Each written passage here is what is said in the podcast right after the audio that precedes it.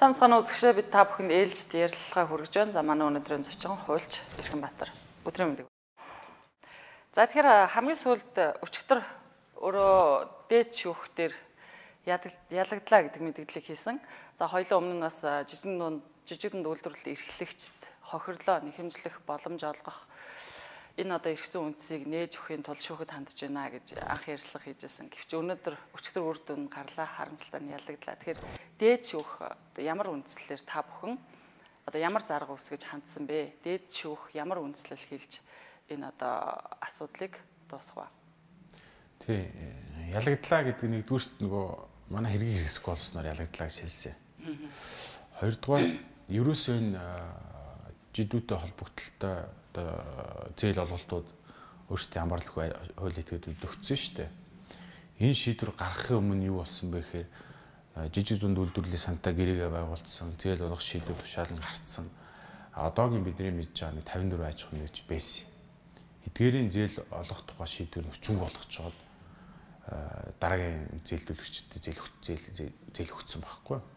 Тэр энэ аж ахуй нэгжүүд нэгэн зээл олгоно гэсэн шийдвэр гарцсан байсан учраас зээл авахгүй түлээжсэн хэсэг нь байна. Зарим нэг нь нэгэн зээлийн шийдвэр гарсан учраас өөр одоо үнэтэй их усрүүргүй банк хөвөн байгууллагаас ч юм уу ламбарднаас мөнгө аваад ажил эхлүүлсэн юм аж ахуй нэгжүүд хохирол хохирол үлдсэн. Энэ хохирлыг одоо нэхэмжлэх үндсэл болсон дээр энэ үйл ажиллагааг эхлүүлсэн дээр тушаалыг хууль бус байсныг тогтооцсон бол хохирлоо авах байсан. Тэгэхээр авах боломжгүй болсон агуулгаар нь хоёр одоо хоёрдугаар агуулгаар нь ялагдлаа гэдэг тийм бичсэн л. За энэ э, жижиг дунд үйлдвэрлэлийн сангаас олгосон зээлийг тойроод маш их устөрчсөн тийм шөмжлөө явлаа. Энэ нэг талаараа сайн одоо нийтийн мөнгийг зохистой зарцуулсан үйл гэдэг шөмжлөн шүү дээ тийм. За ингээд энэ шөмжлөө яваад ус төр болоод ингэсний үр дүнд э, нэг жижиг дунд үйлдвэрлэл эрхлэгч төсөл нь хөдөлсөн үү гэвэл тийм тоо байхгүй. Нөгөө зээл авч чадаагүй хохирчсон аж ахуй нэгжүүдийн нэг нь танаа зээл аваад энэ үр дүнд хүрүү гэхээр үр дүнд хүрсэн аж ахуй гэж байхгүй. Өөрөөр хэлбэл хин нэгэн жижиг үйлдвэрлэл эрхлэгч нар зээл аваад ажлын байр бий болгоод үр дүнд хүрсэн тохиолдол байхгүй л таамаглал. Тэгэхээр ер нь бидний эхлүүлсэн ажлын гол зорилго бол ер нь үр дүн гэж юу юм? Үр дүнд хүрэх ёстой байна гэдэг зорилго тавьсан. Бидний харж байгаагаар үр дүн гэдэг бол тэр аж ахуй нэгжүүд нэгэнд үү? За энэ хохирлоо одоо хууль бус үйл ажиллагаа явуулсан, хууль бус шийдвэр гаргасан алтан тушаалтнаас төрөөс нэг хэмжлэх ёстой тийм үү. Гэтэл өнөөдрийн хүртэл өнөөдрийн хүртэл эрүүгийн журмаар байна уу, захиргааны журмаар аль нэг тушаалын хууль бус тооцсон шүүхэн шийдвэр байна уу? Одоо захиргааны байгууллага өөрхийн засгийн газрын тогтоох шийдвэр байхгүй. Тэгэхээр нэгэнт өнөөдрийн хүртэл тэр шийдвэр гаргасан захир тушаалууд ч хууль ёсны л гэсэн статустай яваад байгаа байхгүй. Тэгэхээр нэгэнт тэр шийдвэрт хууль ёсны юм бол тэр аж ахуй нэгжүүд энэ хууль бус үйлдэл болмоос надад тохиолдчихлаа гэж хэмжил гарах ирэхгүй өнөөдрийг хүрсэн. За 2018 оны 1 сарын 3-ны өдрийн А101 гэсэн тушаал байгаа. Энэ тушаалаар жижиг дунд үйлдвэрийн сангаас зээл сонгон шалгаруулалттай тухай журмын 6-гийн 7 гэдэг заалтыг хүчингү болгосон тушаал. За энэ ямар хүчтэй заалт байсан бэ гэхээр 2016 17 хоногдод төсөл тэнцээд зээл олгох гэсэн шийдвэр гаргаа зарим аж ахуй нэгжүүд нь ингээд зээлийн гэрээгээ байгуулаад тодорхой хэсгийг аваа санхүүжин явуулж исэн бүх төслүүдийг санхүүжилтийн их усгөө зогсож исэн юм байна. А энэ санхүүжилтийн их усрын зогсгоо зогсож хахад ахаа санхүүжилтийн их усрын орж ирвэл энэ төслүүдийг тэргүй ээлжин санхүүжүүлж болно гэсэн юм л залт байсан. А тэгэхээр нөө мөнгө ороод ирвэл эдгээр авах гэдэг шүү дээ. Урдуур нь авах гэдэг. Тэгэхээр энэ очрыг дайрахын тулд энэ өөрт санхүүжүүлэх үүрэг оногдуулсан энэ журмынхаа заалтыг хүчинг болгочихсон. Ингээ хүчинг болгочихоор эднэрийг санхүүжүүлэх үүргээс өөрийгөө чөлөөлчих чинь тийм үү? Тэгээд 2 сарын 21-нд нь А20 гэдэг тушаал гаргаад ерөөсөө 54 аж ахуй нэгж зээл олгох чадахгүй гэд хүчинг болгоод зээл олголтын цуцжоод 2 сарын дараа сонгон шалгаруул зарлаж байгаа 5 сард нь тий А88 гэдэг одоо бидний эд одоо шөөмжилж байгаа тий 124 аж ахуй нэгжүүдэд зээл олгох тушаал гаргасан байт. Ингээд ерөөсөө нэг юм 5 сарын хугацаанд жормоо өөрчлөөд зээл болгосон бүх тушаалуудаа хүчингү олгож замаа цэвэрлж агаад өөрсдөө аж ахуй нэгжүүдийг сонгож шалгуулалтанд оруулж агаад зээл өгсөн юм л дүр зураг харагдаж байна. Тэгэхээр энэ зээл олохгүй гэсэн А29 гэдэг тушаал жоронд орсон өөрчлөлт орсон А01 гэдэг тушаал аль аль нь өнөөдөр хүртэл хүчин төгөлдөр буюу хууль ёсны тооцогдсон юм байхгүй. Тэгэхээр бид нар энийг аль энэ хоёр тушаалын аль нэгийг хүчингү болгочихвол хууль бус гэдгийг тогтоогоод хүчингү болгочихвол эдгээр аж ахуйн нэгжүүд өөр төч цогцлон одоо шүүхэн журмаар нэхэмжлэх болцоод хууль зүйн үндслийг нээх юм байна л гэдэг зорилго тавьсан. Аха. Харвас одоо ингээд хэрвээ эдгээр төслүүдийг те цаашаа санхүүжүүлж чадахгүй гэдэг шийдвэрийг хүнс хөдөөж хүн үйлдвэрийн сайд гаргасан бол яагаад 2 сарын дараа дахиад шинэ төслүүдэд зээл олгох шийдвэр гаргаж байгаа юм гэдэг нь өөрөө анхаарал татаад энэ дээр яг асуудал байгаа юм шиг харагдаад байгаа. Гэтэл ийм юм дээр яагаад улсын дээд шүүх эсрэг шийдвэр гаргаж байгаа юм бэ? Үндслээ юу гэж тайлбарсан юм бэ? За э, ойлгомжгүй юм байна те. 3 сарын өмнө их усүргүү гэж байгаа зээл өгөхгүй гэдэг шал гаргаж ирсэн бол 3 сарын дараа 100 гаруй тэрбум төгрөг зээл өгсөн. Энэ хаана ямар их усээс ороод ирвэ те. А энэ 29 гэдэг тушаал дээр э, гол хэлж байгаа үндсэл нь 17 оны төсөвт санхүүжүүлэх мөнгө байхгүй байна гэж хүчин болгосон. Яалчгүй санхүүжүүлэх мөнгөний тусгах гад тодглоор оруулах гад оруулж чадаагүй мэлээ. Тэгэхээр энэ 120 А20 гэдэг тушаалыг тэр 54 аж ахуйнууд хүчингү болгож чадахгүй хууль зүйн. Тэгээд энэ хоёр тушаал бас сайдын тушаал. Дээд шүүх хүрэхээс өмнөх яаж болох вэ гэдэг яриа л да тийм үү. Дээд шүүх хүрэхээс өмнө өнөөдрийн сайд энийг тушаалыг хүчингү болох эрх нь байна. А техник А техник А хоёроос. А гэтэл өнөөдрийн сайдын чи уг нь ингээд өмнөх сайд нь алдаа гаргалаа энэ алдагдсаа тэр ингээд шинэ сайд томилоо тусахтаа томилоо гэдэг тайлбарлалсан газ тайлбарлаж байгаа томилсон шүү дээ өнөөдрийн сайдыг тийм үү. Энэ хүн очиод шүүх төгсөн тайлбартаа юу гэж юм нөхөр энэ бүх тушаалууд хуулисны юм аа л гэсэн тайлбарцсан сууч. Зөвшөөрөхгүй байна тийм үү бид өнөөдөр шүүхтэлцэл энэ шүүхтэлцээд байгаа хэрэг өнөөдөр зүгээр ингээд ялтаар төгсч болох байхгүй. Тэр ялт нь хамгийн ойрхон ялт юу гэхээр энэ сайд өөрөө энэ өмнөх сайдын гаргасан тушаалыг аюу алдаг зассан тийм тушаал гаргачихад л заавал шүүхтэд байх шаардлагагүй ингээд дуусчих байхгүй.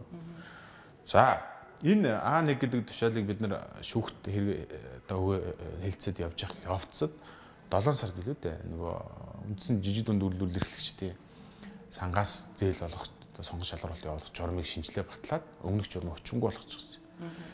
Тэгэхээр бид нар ингээд өчөнгө болгуулъя гэсэн тушаал явж исэн чинь ерөөсөө энэ журм бүхэлдээ өчөнгө болцохоор хууль бус байсныг тогтоох тухайн цаг үедээ тий хууль бус байсныг тогтоох гэдэг байдлаар нэхэмжлийн шаардлага өөрчилсөн. За энэ бол нийлэн хууль зүйн нарийн ойлголт л. Тэгэхээр одоо хууль зүйн донд хоёр маргаа үсэж байгаа. Нэгдүгээр энэ журамд өөрсөн өөрчлөлтийг захиргааны үйл ажиллагаа гэж үзвэл хууль тухайн цаг үедээ хууль бус байсныг тогтоох маргааныг шүүх хилцэх ёстой гэдэг нэг. За энэ ч утгаараа давзаалчдын шүүх бол манай нэхэмжлийн шаардлагыг хүлээж аваад хангацсан шүү дээ тийм үү? Бид ялд байгуулсан. Аа дээд шүүхийн тавьж байгаа тайлбар юу гэхээр хим хэмжээний актын хувьд бол хууль бус байсныг тогтоох эрх хэмжээ захиргааны ерөнхийлөгчөөр шүүхт олгодог байна гэсэн гээд хэрэг хэрэгсэх болгосон. За яг ингээд хуулийг харахаар их маргаантай. Захиргааны үйл ажиллагааг гэвэл энэ бол шүүхэлцэн. А зөв хэм хэмжээний актын тухайд яг хэм хэмжээний актыг хууль бус байсныг тогтоох эрх хэмжээ олгодоогүй юм шиг юм байдал үүсэж байгаа. Энэ одоо юу гэдэг нөхөрл гаравчлаа л да. Тэгэхээр үнэхээр харамсалтай байна л да. Магадгүй заах хуулийн талаас дээд шүүхийн одоо энэ үндслэнтэй зөвч байж болох юм. Нэг дээд шүүх одоо ийм шийдвэр гаргасан учраас мэдгүй байна. А гэхдээ цаана хүмүүс хохироод үлдлээ штэ. Тэр хүнс хөд аж ахуйн хөнгөн үйлдвэрийн яамны сайдын 18 оны 1 сарын 3-ны өдөр гар үсэг зурж гаргасан тушаалаас болоод 54 аж ахуйн нэгж. За яг хөө тэрнээс нэг 3 нь буцаагаад дахиад шинэ журамд ороод авсан гэж байгаа юм тий. 30 орчим тэрбум төгрөгөөр хохирлоо гэж штэ. Одоо энэ хүмүүс яах юм? За энэ хүмүүс одоо би хуульч юу харахаар яач чадахгүй.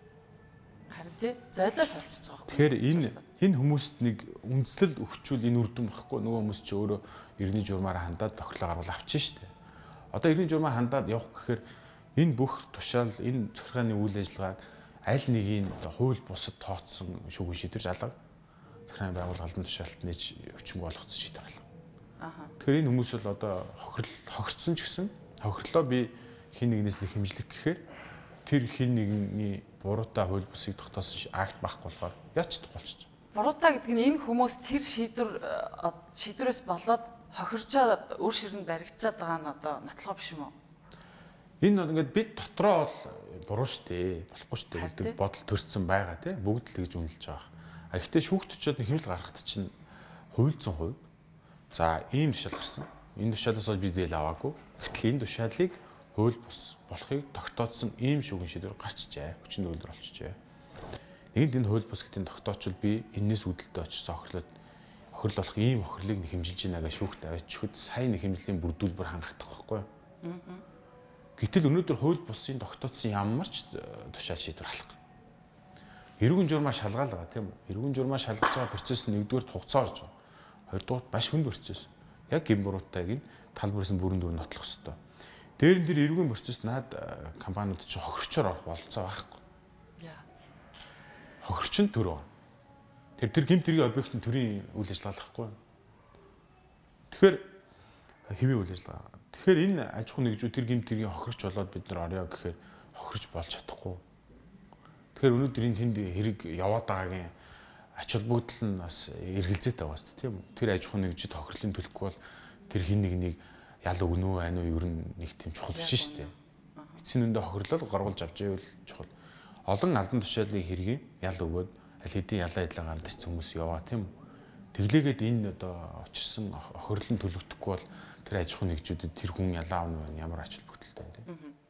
Ер нь бол зүгээр халаасны хулгайч байсан э, байсан ч тэр хүн ялаа идлээд хохирлоо ч гэсэн барагдуулах хэрэгтэй үсттэй. Тэгэхээр энэ чинь бүр том хэмжээний хідэн тэр бомын за мөнгөн хохирлыг тооцоо болиё гэхэд хүмүүсийн цаг хугацаа боломж маш хийж бүтээж болох зүйлийг нь боомлцож байгаа байхгүй. Тэгээ өнөөдөр өчигдөр тэр э, шүүх хоролд оролцсон эмэгтэй Орхон аймгийн үйлдвэрлэгч ярьжсэн шүү дээ. Одоо тэр эмэгтэйгийн байдлаар бол гурван гурван шүүхийн дуудлагатай байж байгаа. Дээрэс нь тэр хүн баг гимт хэрэгтэнж болж магадгүй нөхцөл байдал үүсчихэд байна. Түр яагаад хүмүүсийг ингэж золиослох боломжийг гаргаад байгааг л олон нийт ойлгож чадахгүй л байна л да. Та хуульчийн хувьд Тэгэхээр э, тэр эмэгтэйгийн тухайд бол сарамсалтай тохиолдол байлээ л да. Өөрөө сайн дураа энэ урлын зар сонсоод ирсэн юм байлээ. Тэр эмэгтэй нэгдүгээрт нөгөө ах トゥ усийн бүх э, одоо байр саваашааг барьцаалтсан. Одоо ах トゥ устэйгээ харьцдаг болсон. За нөгөө 400 саяын зээл авна гэдэг шийдвэр гарцсан учраас тэрэнд дүүцүүлсэн 600 сая барьцаа өрөнгөцсөн. Гэсэн чинь 200 сая авсан шүү дээ. Тэгээ энэ үлдэгдэл 4 сая 400 саяын чөлөөлөгдчихлөө шүү дээ. Зээл авах гэж. Энэ энэ хэмжээний барьцаа өрөнгө чөлөөлүүлэх гэхээр бүх хэмийг авилгатай тэмцэх газар авч төгцсөн гэдээ чөлөөлж өгөхгүй юм. Тэгэхээр ахаад өөр их усрыг зээл авах гэхээр нөгөө барьцаа өрөнгө болсон. За ер нь төрийн үйлчлэг ингэж л явж штэ. Би танд нэг жишээ хэлье. Төр төрийн албан тушаалтны хууль бус шийдвэрийн улмаас жилдээ нэг 7.4 тэрбум төгрөгийн хохирлыг 14 оноос 18 оны ингээ статистик мэдээллийг харахаар төр байнга учруулсаар ирсэн. 36 тэрбум төгрөг гэсэн зөвхөн жидүүдээр биш биш тий. жидүүдээр биш. Ерөөсөө л ингээ биднээс татвар төлсөн мөнгөөрөө цалин авж байгаа төрийн байгууллага маань л үйлчлэгийг үзүүлэхдээ л тэр хэмжээнд тохирож байгаа байхгүй юу? Энэ хохирол 36 тэрбум төгрөг байна. Энэ жил болгон ингээд буурахгүй яваад байгаа. Энд дээр төрийн албаны маргаанч байгаа, газрын маргаанч байгаа, лицензийн маргаанч байгаа, ажил гүйцэтгэрийн нэгж маргаан байгаа. Төр бидэнд ийм л үйлчлэг үзүүлж байна. Тэг бидний э, авж байгаа үйлчлэг ийм л юм. Тэгэхээр энийг бас харуулад те ийм байгааг нь олон нийтийн анхааралд оруулах нь бас энэ стратегийн өмгөөлийн төслийн нэг гол зорилго байсан. Стратегийн өмгөөл гэдгийн төслийн яаж хэрэгждэг вэ гэхээр шүүхэн журмаар явахаас гадна нөлөөллийн ажил хийдэг. Энэ болохгүй байгаа юмыг олон нийтийн анхааралд оруулахыг зорддог. Тэгэхээр энэ зорилгын хүрээнд бол бас э, хэлж байгаа юм шүү те. Яг нь анхаарлын төвд бол орж чадсан байх гэж бодож байна. Энэ утгаараа зорилгоо бол магадгүй биелүүлсэн байх. Гэхдээ цаашаа яаж явах юм бэ гэдэг асуулт гарч ирээд нь л хад мөрөгцсөн ч юм шиг санагдаад байна. Жижигэн улдуур хөгжил сангаас төрийн өндөр албан тушаалтууд тэдний хамаарал бүхий хүмүүс зээл авчихсан. За угаасаа ингээд баахан жидүүчтийн жинхэнэ жидүүчтийн гэж нэрлэдэг байгаа тийм. Энэ хүмүүсийн боломжийг хулгайлсан тэднийг бүр хохироос нь одоо ил болчлаа. Өчигдрийн улсын дээд шүүхийн шийдвэрээр. А тэгэхээр яг нь нөгөө талд нөгөө хэрэг нь яваад байгаа тийм. Бацарыг нарын одоо 8 хүн ч юм уу хэрэг үүсгэсэн. Шүүхтэр очиад таг болчлаа гэдэг ба шүү дээ. Тэгэхээр энэ бүхнээс харахад энэ хэрэг чи ерөөсөө шийдэгдэхгүй юм биш үү гэдэг нэг ийм бодол төрөөд байна л да. Жижиг дунд үйлдвэрлэлтэй сангтай холбогдлолтой энэ маргааны нэг том давуу тал нь баримт нь ч учраас бид бас найдаад амжилтанд хүрч болов уу гэдэг энийг өөрсдөө зардал гаргаад цагаа зарцуулаад эхлүүлсэн.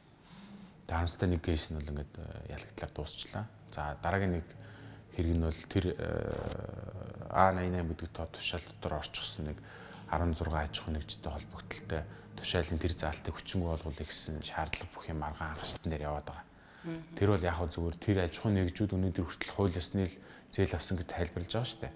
Тэрийг хууль бус байсныг л тогтоолгох хэмжээний үр дүн гарна. Тэрнээс тэр шийдвэрээс хохирцсон иргэд бол хохирлоо гаргаж авч чадахгүй.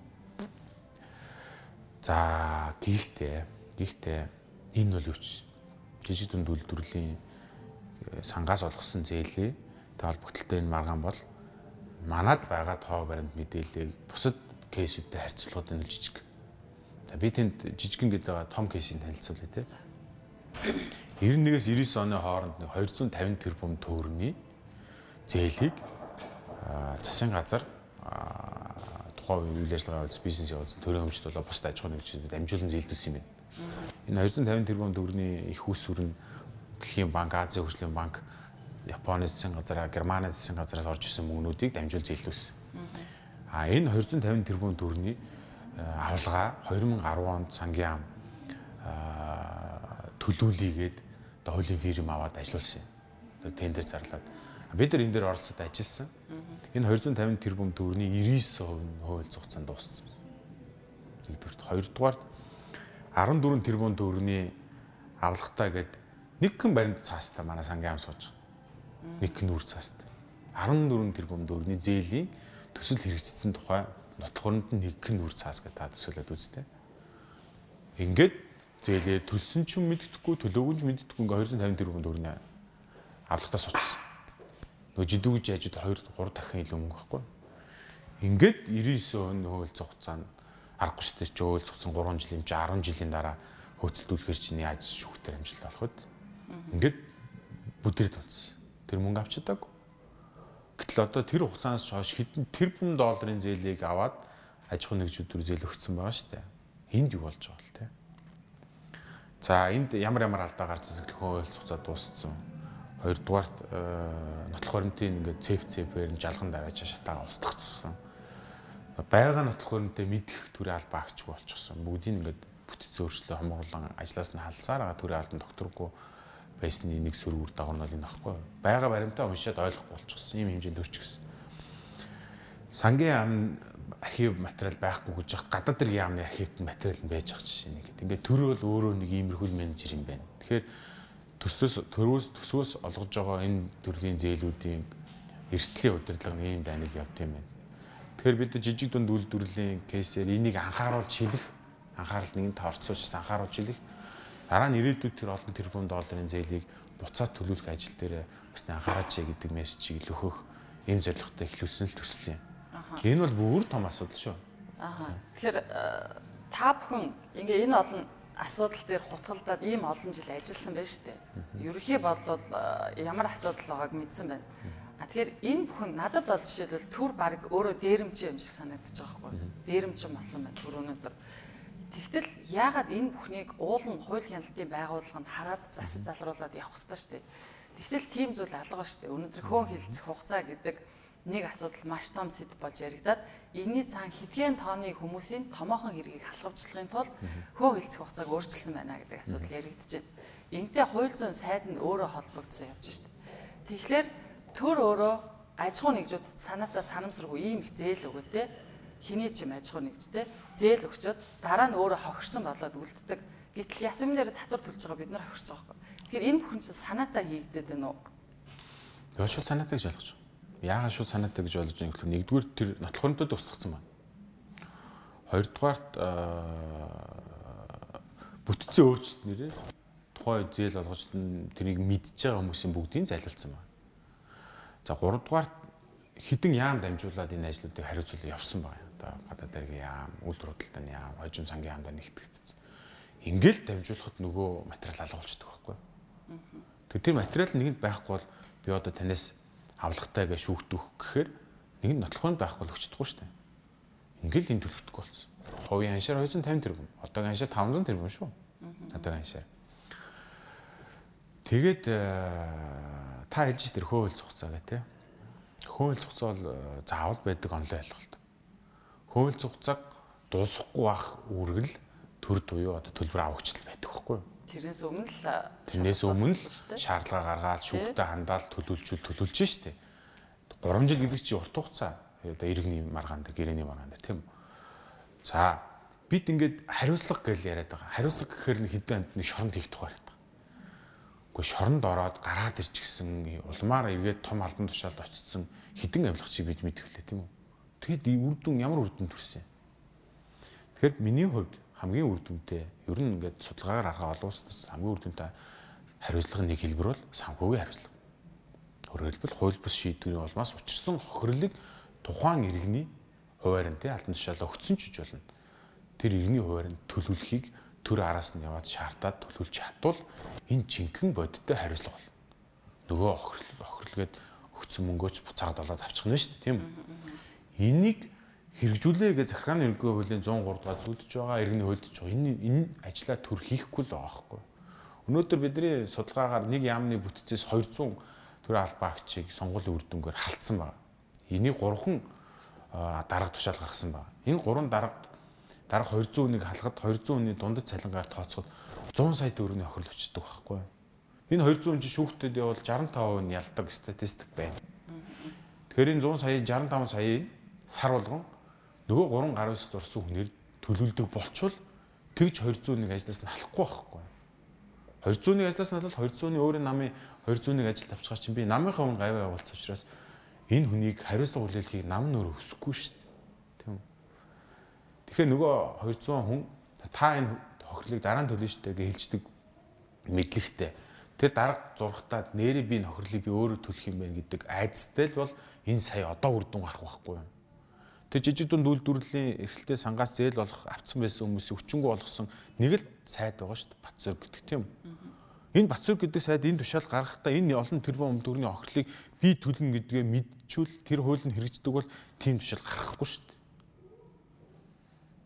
Тэр хүн хитэн тэрбум төгрөгийн ашиг олцоод шоронд ороод нэг хэдэн жил болоод гараад ирсэн ч юу яад тийм гэдэг тооцоо хийж байгаа тэгээ хилээ сууж байгаа хүмүүст таарч лайлаа шүү дээ. Яад тийм тэдийг авчи тэр мөнгөө тийш нь одоо офшор ч юм уу байршуулчих. А тэгээ би шоронд нөгөөхөө хүүгээр амтэрчи. За өсрөл нэг жил болоо гараад ирэх юм 2 жил болоод гараад ирэх юм гэдэг чэд тооцоо хийчээд гоо тэгээ тэгээ яваад ирсэн хүн ч биш. Шоронгоос гарч ирээд амьдралын цэцгэлцэн авилгач байж шүү дээ. Энэ бол одоо бидний нүдэн дээр ил байгаа юм дээ. Тэгэхээр энэ хариуцлагын тогтолцоо ч нөөрөө үрдөнгө өгөхгүй байна. Дээр нь гимт хэргийг нотлох хариуцлага хүлээлгэн гэдэг бол маш хүн процесс. Тийм учраас одоо цаг хугацаа шаарддаг. Аргагүй. А иргэний журмаар мөн захиргааны журмаар тэр захиргааны актыг хууль бус байсныг нь тогтоочвол энэ маш одоо товчхон бөгөөд үр дүнтэй арга гэж бид үзэж энэ алхмыг одоо сонгож явсан. Тэгээ одоо харамсалтай үр дүнд гарах чадсангүй уучлаарай. Өгөө гэхдээ яг хүмүүс зах цохоос нь ойлгож эхэлж штэ. Хүмүүс ойлгож гин гэдэг чинь бас нэг юу байхгүй давуу тал урд нь бол бид нар мэдтгүү за нэг за энэ хэргийг шалгаж ийн тэр хэргийг шалгаж ийн гэвэл за нэг авилгачийг барих нь за ашгүй нэг шийтгэл хүлээлгэх нь гэж хардаг байсан бол одоо энэ нь өөрөө жүжиг гэдгийг бид нар мэдэж эхэлж байна. Тэгэхээр яагаад Монголд хоёр л том нам байгаа. Ардсан нам Монгол ардын нам. Энэ хоёр нам л ээлжилж засаглаж ирсэн. Нэг нь бүр бараг л байнга шахуу барьж ирсэн. Гэтэл энэ бүх асуудлыг мэдэхгүй байна гэж байхгүй шүү дээ. Тэгэхээр дахиад яагаад яагаад би маш сайн мэдж байгаа гэдгийг нотолсон нэг жишээ хэлэх үү. За. 2015 онд захиргааны ерөнхийл батлагдсан. За энд ингээд нэмэлт өөрчлөлт мөрчлөл ингээд орсон. Гэхдээ ерөнхийдөө энэ 103 дугаар зүйлд ямар заалт орсон бэ гэхээр төр иргэнийхээ өмнө хохирлжуулалт төр багдуулна. Дараа нь тэр төр нь буюу үндэсний аудитын газар тэр хохирлыг нөгөө шийдвэр гаргасан албан тушаалтны хувь хөрөнгөөр нь багдуулах араас нь хөөцөлдөж явна шүү гэдэг ойлгосон. Энэ хуулийг одоо хэрэгжүүлэх гэхээр зарим нэг саад дотор уучраад байгаа. Юу гэхээр би охирчлоо Би огсон гэдгийг нотлохын тулд иргэний журмаар захиргааны журмаар нэг жилээс нэг жил хагас маргаад явна. Хүн төрцөөс болно. За энэний эцэст нэг муу сая охирлоо хангуулж авна. Ингээд мөнгө авъя гэхээр төрөөс очиод шийдвэр гүйцэтгэлийн журмаар ингээд данснаас шууд мөнгөний татчихдаг байхгүй. Шийдвэр гүйцэтгэлээр очиод нэгтгэгдээд хууль зүйн яам дээр ирээд хууль зүйн яам сангийн яамд уламжлаа төсөв сууж дараа жилийн төсөв төсвийн тухай бол хүчин төгөлдөр болохоор олгодог. Энэ ахаад нэг жилийн процесс буюу 2-оос 2.6 жилийн 5 жил 2.5 жилийн дараа сая нэг нэг 10 сая 20 сая төгрөг олж өгдөг байхгүй. Энийг богиносгочвол тэр нэг хэмжил гаргаад араас нь хөөцөлдөх иргэдийн тоо өснөд. Тэгэхээр нөгөө Нэг нь хэмжлэгч нар олон болохоор шахалт буюу хариуцлага хүлээх хүмүүстэй олон болоод ингээд явна гэсэн үг шүү дээ. Гэтэл энийг богиносгох үүднээс за шүүхэн процесс одоо зайшгүй жил жил нэг жил хагас явах бах. Хохирлын сангийн тухай хууль гэж төсөл энэ захиргааны хөлтөд зэрэг өргөн баригдсан байгаа байхгүй. Энэ яаж юм гэхээр хохирол хохирол өчтөн за за май майг өгчдөг. Шууд өгчдөг. Дахиад жил үлээх шаардлагагүй төсөл зул шаардлагагүй өгчдөг. Дараа нь энэ хохирлын сан нэргээд өөрөөсөө мөнгө өгсөн чинь энийгээ би олж авъя гэд Эрхэн Баатарын бат зөргийн араас очиод нэхэмжилдэг хуулийн төслийн энэ төсөлтөд цуг өргөн барьсан байгаа юм 15 он агуулдсан баг. Энэ хуулийг батлаагүй байхгүй. Тэгэхээр энийг баталчвал нөгөөд чинь баларх юм байна гэдэг мэдээд нь шүү дээ. Миний араас ирэх юм байна. Миний шийдвэрийн улмаас очсон охирлыг би түлж таарах юм байна. Тэгэхээр энэ айл болох төлөвлөхгүй айл болох юм хүнд хүн сурталтаа хугацаа авсан процессыг үлдээчвэл надад нөгөө шийдвч ирэхгүй байх гэдэг шүү дээ. Ингээд аваад үлдсэн л байгаа. Тэр үеийн төсөнд бэлэн байсан охирлын сангийн тухай. Тэгэхээр бүр мэдхийн дээдэр мэдээд ингээд аваад үлдсэн факт. Хин авч үлдээд байгаа. Улсын хурлдэл энэ өргөн баригдсны дараа алга болсон. Тэгэхээр өнөөдөр хууль тогтоогч нар хуулийг аль талаас нь хараад хинт ашигтай талаас нь харж хийж чинь гэдгийг зүгээр энэ ганц жишээ төртгөл тодорхой харагдчих. За тэнд хууль тогтоогчт нь байна те. За тэгж зарим хуулийг дундаас нь сугалж гин, зарим хууль хуулийн дунд нь батлах үед нь үг шургуулж гин гэх мэтэр те. Тэгтэл энд шүүх гэж нэг байгууллага шүү дээ. Эжин хянах ёстой шүү дээ. Би бол шүүхийг буруутгахгүй. Өчтөрийн шүүхийн шийдвэр сэтгэл гонсоолго маань гарсан. Захиргааны нэрийн шүүхт. Тэгээ би захиргааны нэрийн шүүхийн төлөө эцвэртэл явна. Хамгаална. Аа яагаад ийм шийдвэрт хүрч үүхээр хуулийн чанаргүйгээс л шүүхийн шийдвэрийн шууд тусгал нь хуулийн тусгал гэхгүй. Хуульд юу заасныг манай шүүх баримталдаг. Хууль нь хийдэлтэй хууль нь тэр одоо хулгайч нар одоо гараад авчих нөхтэй байвал мянга шүүх сайн байгаад хууль нь л тийм бол үр дүн ялгаагүй л авилгачид очил дуусна.